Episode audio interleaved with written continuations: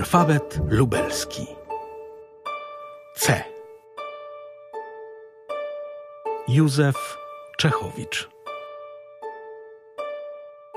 Z Jarosławem Zimmermanem jesteśmy dzisiaj w miejscu, którego nie ma, chociaż bywa tutaj bardzo głośno, co prawdopodobnie Państwo za chwilę usłyszą.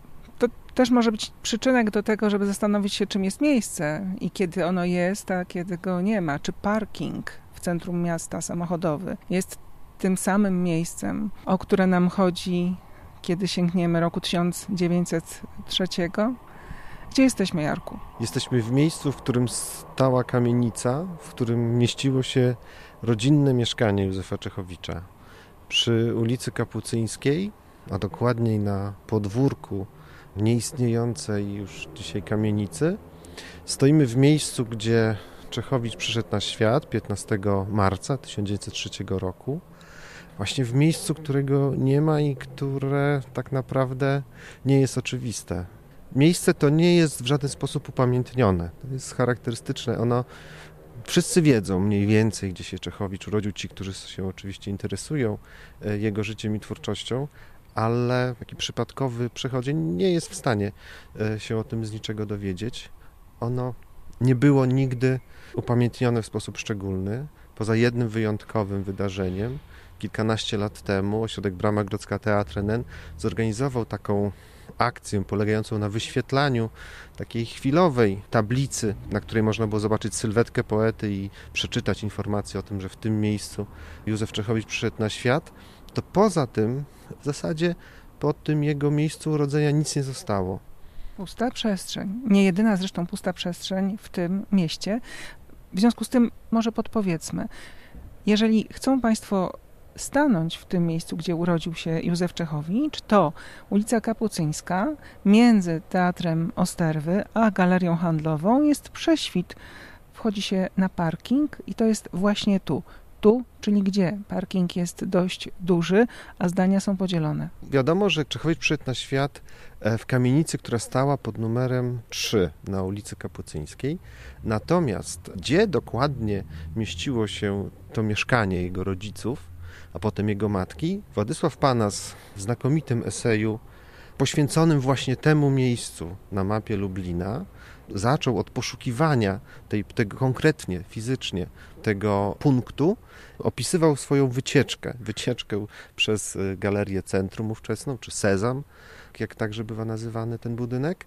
I wspomina o tym, że doszedł do takiej do drzwi z napisem dalej nie ma przejścia, czy przejście tylko dla osób pracujących w tym sklepie.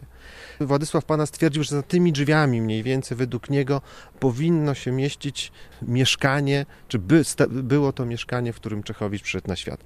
Tomasz Pietrasiewicz trochę inaczej odczytywał te dane adresowe i opisy, które możemy znaleźć we wspomnieniach poświęconych poecie. I według niego to mieszkanie mieściło się w oficynie, a zatem e, poza dzisiaj stojącym budynkiem galerii e, handlowej, gdzieś właśnie na parkingu. To jest o tyle ciekawe, że sam Czechowicz pisał, że jego miejsce urodzenia będą ludzie zwiedzali. I owszem, możemy zwiedzić miejsce, ale miejsce, którego nie ma, miejsce, którego go trzeba poszukać. To pokazuje też pewną, można to też odczytywać jako rodzaj wskazówki też w ogóle do, dotyczącej podejścia do życia i twórczości Józefa Czechowicza. Ono nie jest oczywiste. Jego biografia nie jest oczywista, jego twórczość nie jest oczywista, jego twórczość wymaga czasem dostrzeżenia czegoś, czego nie ma. Bardzo mnie uderzyło, kiedy przed paroma miesiącami w zasadzie przyszedłem na ten parking. On był zamknięty przez dłuższy czas i stanąłem, zobaczyłem naprawdę duży plac w centrum miasta.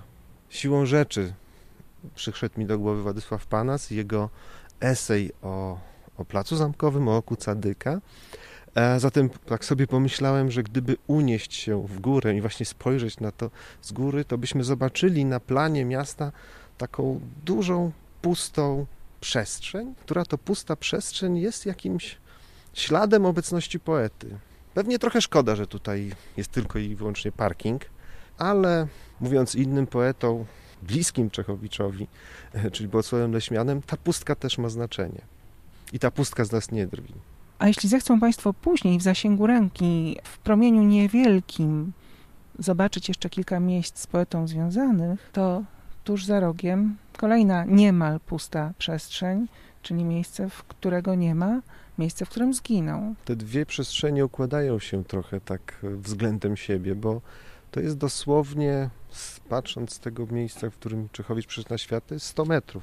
Zresztą podkreślano już e, w momencie, kiedy powstawał pomnik Józefa Czechowicza. To Konrad Bielski w przemówieniu z tej okazji wygłoszonym właśnie zwrócił uwagę na to, że stoimy e, dokładnie 100 metrów od miejsca, gdzie się urodził. W tym miejscu Czechowicza także spotkała śmierć, czyli te punkty na mapie Lublina w przypadku Czechowicza one są szalenie ważne nie tylko przez fakt, że Czechowicz coś w danym miejscu robił, gdzieś pracował, gdzieś mieszkał, ale one są także jakby naznaczone w taki bardzo konkretny, fizyczny wręcz sposób. To pokazuje taki bardzo mocny związek Czechowicza z miejscami, w których przebywał.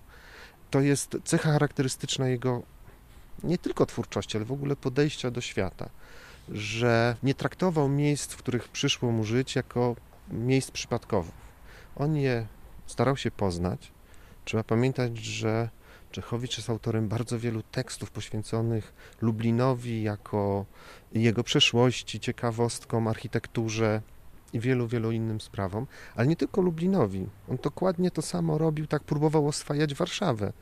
Oswajał Powiśle, oswajał Mokotów, oswajał Słobódkę, y, kolejne miejsce bardzo ważne w jego życiu twórczości, gdzie trafił na krótko, bo zaledwie półtora roku, ale jako bardzo młody człowiek i była to jego pierwsza taka samodzielna podróż i takie pełne usamodzielnienie się w życiu. E, Słobódka, która leży na północy dzisiejszej Białorusi, wówczas to był północno-wschodni e, kraniec e, ówczesnej Polski. E, gdzie pracował jako nauczyciel w niedużej szkole. W ten sam sposób oswajał i bardzo uważnie przyglądał się Włodzimierzowi Wołyńskiemu, gdzie przez pewien czas także pracował jako nauczyciel. W ten sposób poznawał Paryż, kiedy udało mu się zaledwie dwa razy wyjechać za granicę i właśnie dwa razy była to Francja. Za pierwszym razem udało mu się także odwiedzić Normandię. Zatem jest coś takiego szczególnego tym związku Czechowicza z ziemią, po którą przychodziło mu stąpać. To jest mm, też ciekawe, bo czytając jego teksty właśnie poświęcone, bo on bardzo często te miejsca opisywał w swoich wierszach, opowiadaniach, w szkicach, trudno nie odnieść wrażenia, że jakby ten związek z przestrzenią jest jakimś rodzajem terapii, jakimś rodzajem odreagowania lęku przed upływającym czasem. Te dwa wymiary, przestrzeń i czas w życiu i twórczości Czechowicza, one y, są bardzo ważne i on wyraźnie traktuje jakby to, co istnieje fizycznie w pewnej przestrzeni, coś, co jest w jakiś sposób pewne, w jakiś sposób dotykalne, namacalne, bliskie, konkretne, jako coś, co pozwala mu przynajmniej na chwilę oswoić się z tym lękiem przed płynącym nieuchronnie strumieniem czasu, i co jest ciekawe, że kiedy wracał do najbliższego mu miejsca, w momencie, kiedy ten czas, historia e, bardzo mocno przyspieszyła we wrześniu 1939 roku, kiedy wydarzenia wojenne zmusiły go do ucieczki i powrotu do Lublina, to śmierć spotkała go w tej przestrzeni, którą uważał za najbezpieczniejszą i najbliższą. Gdzieś w ostatnim momencie swojego życia on doświadczył, że wcale ta najbliższa mu przestrzeń nie dała mu tego pewnego schronienia. Naprawdę warto tak przyjrzeć się pod tym kątem tym wątkom w twórczości Czechowicza. To jest coś, co wydaje mi się jest jednym z kluczy do jego świata. Skoro jesteśmy w przestrzeni samego centrum miasta, bo rzecz jasna moglibyśmy po Lublinie śladem Czechowicza e, powędrować w bardzo różny sposób, choćby śladem poematu o mieście Lublinie, co e, rokrocznie w pierwszą lipcową pełnię Księżyca e, robi ośrodek Brama Grodzka Teatr NN, ale też na przykład śladem jego wypraw z przyjaciółmi, z całą tą cyganerią artystyczną tamtych czasów, albo też wybrać się tuż za rogatki, co też często robili. Ale my dzisiaj stoimy w jednym miejscu i chcemy namówić Państwa, żeby w przerwie pomiędzy em, załatwianiem miejskich spraw. Nie odchodząc daleko, zwrócili Państwo uwagę na kilka przestrzeni z Czechowiczem związanych. Tu się urodził, tam za rogiem, zginął, ale tutaj przecież mamy teatr. Przechodził koło niego bardzo często. Nawet y, jedną recenzję teatralną napisał ze spektaklu, który, który obejrzał właśnie po sąsiedzku. Ten teatr także był w jego głowie, bo w tym małym, w tym niewielkim mieszkanku, w którym mieszkał, stał nieduży teatrzyk kiełkowy zrobiony przez samego młodego poetę, w którym według jego scenariuszy były grane różne y, przedstawienia. Zaraz dalej jest y, kościół powizytkowski, w którego cieniach stał, kiedy po raz pierwszy zobaczył tutaj na ulicy Kapucyńskiej y, marszałka Józefa Piłsudskiego, który jechał w otwartej dorożce. Kawałek dalej jest y, budynek dzisiejszego Wojewódzkiego Ośrodka Kultury, w którym Czechowicz uczył się w szkole dla nauczycieli. Zaraz obok na Placu Wolności stała knajpa Ojca Grudnia, gdzie spotykał się ze znajomymi. Patrząc w drugą stronę mamy Semadeniego, gdzie y, spotykała się loża y, Wielkiego Uśmiechu, w której Czechowicz był jednym z przywódców. Mamy oczywiście Rudka, kawiarnię. Mamy ulicę Kościuszki, miejsce, gdzie pracował Czechowicz jako redaktor, jako jeden z redaktorów lubelskiej, lubelskich dzienników, ale także Wacław Gralewski. Mamy Plac Litewski jeden, miejsce, gdzie mieszkał i także na Radziwiłowskiej, gdzie niedaleko z kolei przez pewien czas mieszkał Józef Łobodowski. No i mamy też jeszcze szlak, który znamy z fotografii, czyli szlak już takich zaułków, nie tych najbardziej uroczych zaułków Starego Miasta, które oczywiście Czechowicz także odwiedzał i są te, na, to, na to dowody, ale także miasta żydowskiego. Gdybyśmy tak zaczęli zakreślać pewne kręgi, to bardzo ciekawe, że wychodząc z tego miejsca, w zasadzie moglibyśmy pokryć niemal cały Lublin i okolice taką mapą miejsc Czechowicza. Są to miejsca, których Czechowicz był, w których się Czechowicz sfotografował, które Czechowicz opisał w wierszu, których się wydarzyło coś niezwykłego, co zostało w pamięci jego przyjaciół. E, I tych miejsc jest naprawdę bardzo, bardzo dużo. Kiedy kilkanaście już lat temu ośrodek Brama Grodzka wydawał trzy tomy scriptores poświęconych Czechowiczowi, to dosyć szybko się zorientowali, że nie da się o Czechowiczu opowiedzieć bez opowiedzenia o mieście. I te trzy tomy poświęcone Czechowiczowi są jednocześnie encyklopedią Lublina.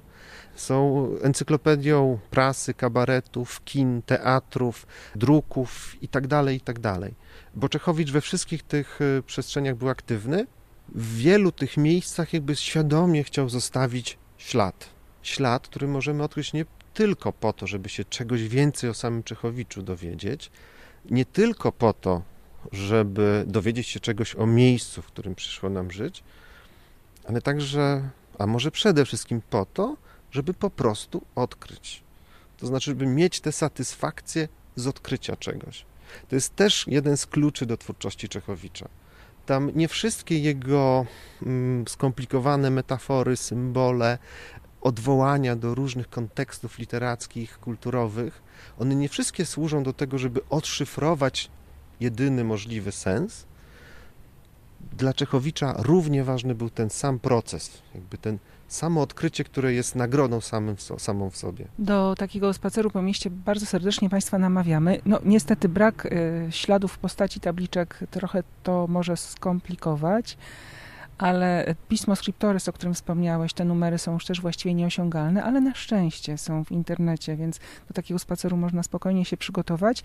Jeszcze jeden powód y, do tego, żeby taki spacer odbyć, do tych, które wymieniłeś, y, chętnie bym dorzuciła, bo być może taki spacer i zastanowienie się nad jego relacją wobec miejsca, jego próbą oswojenia miejsca, jego potrzebą oswajania miejsca, da nam impuls do tego, żebyśmy się zastanowili, jak my traktujemy miejsce, po którym chodzimy.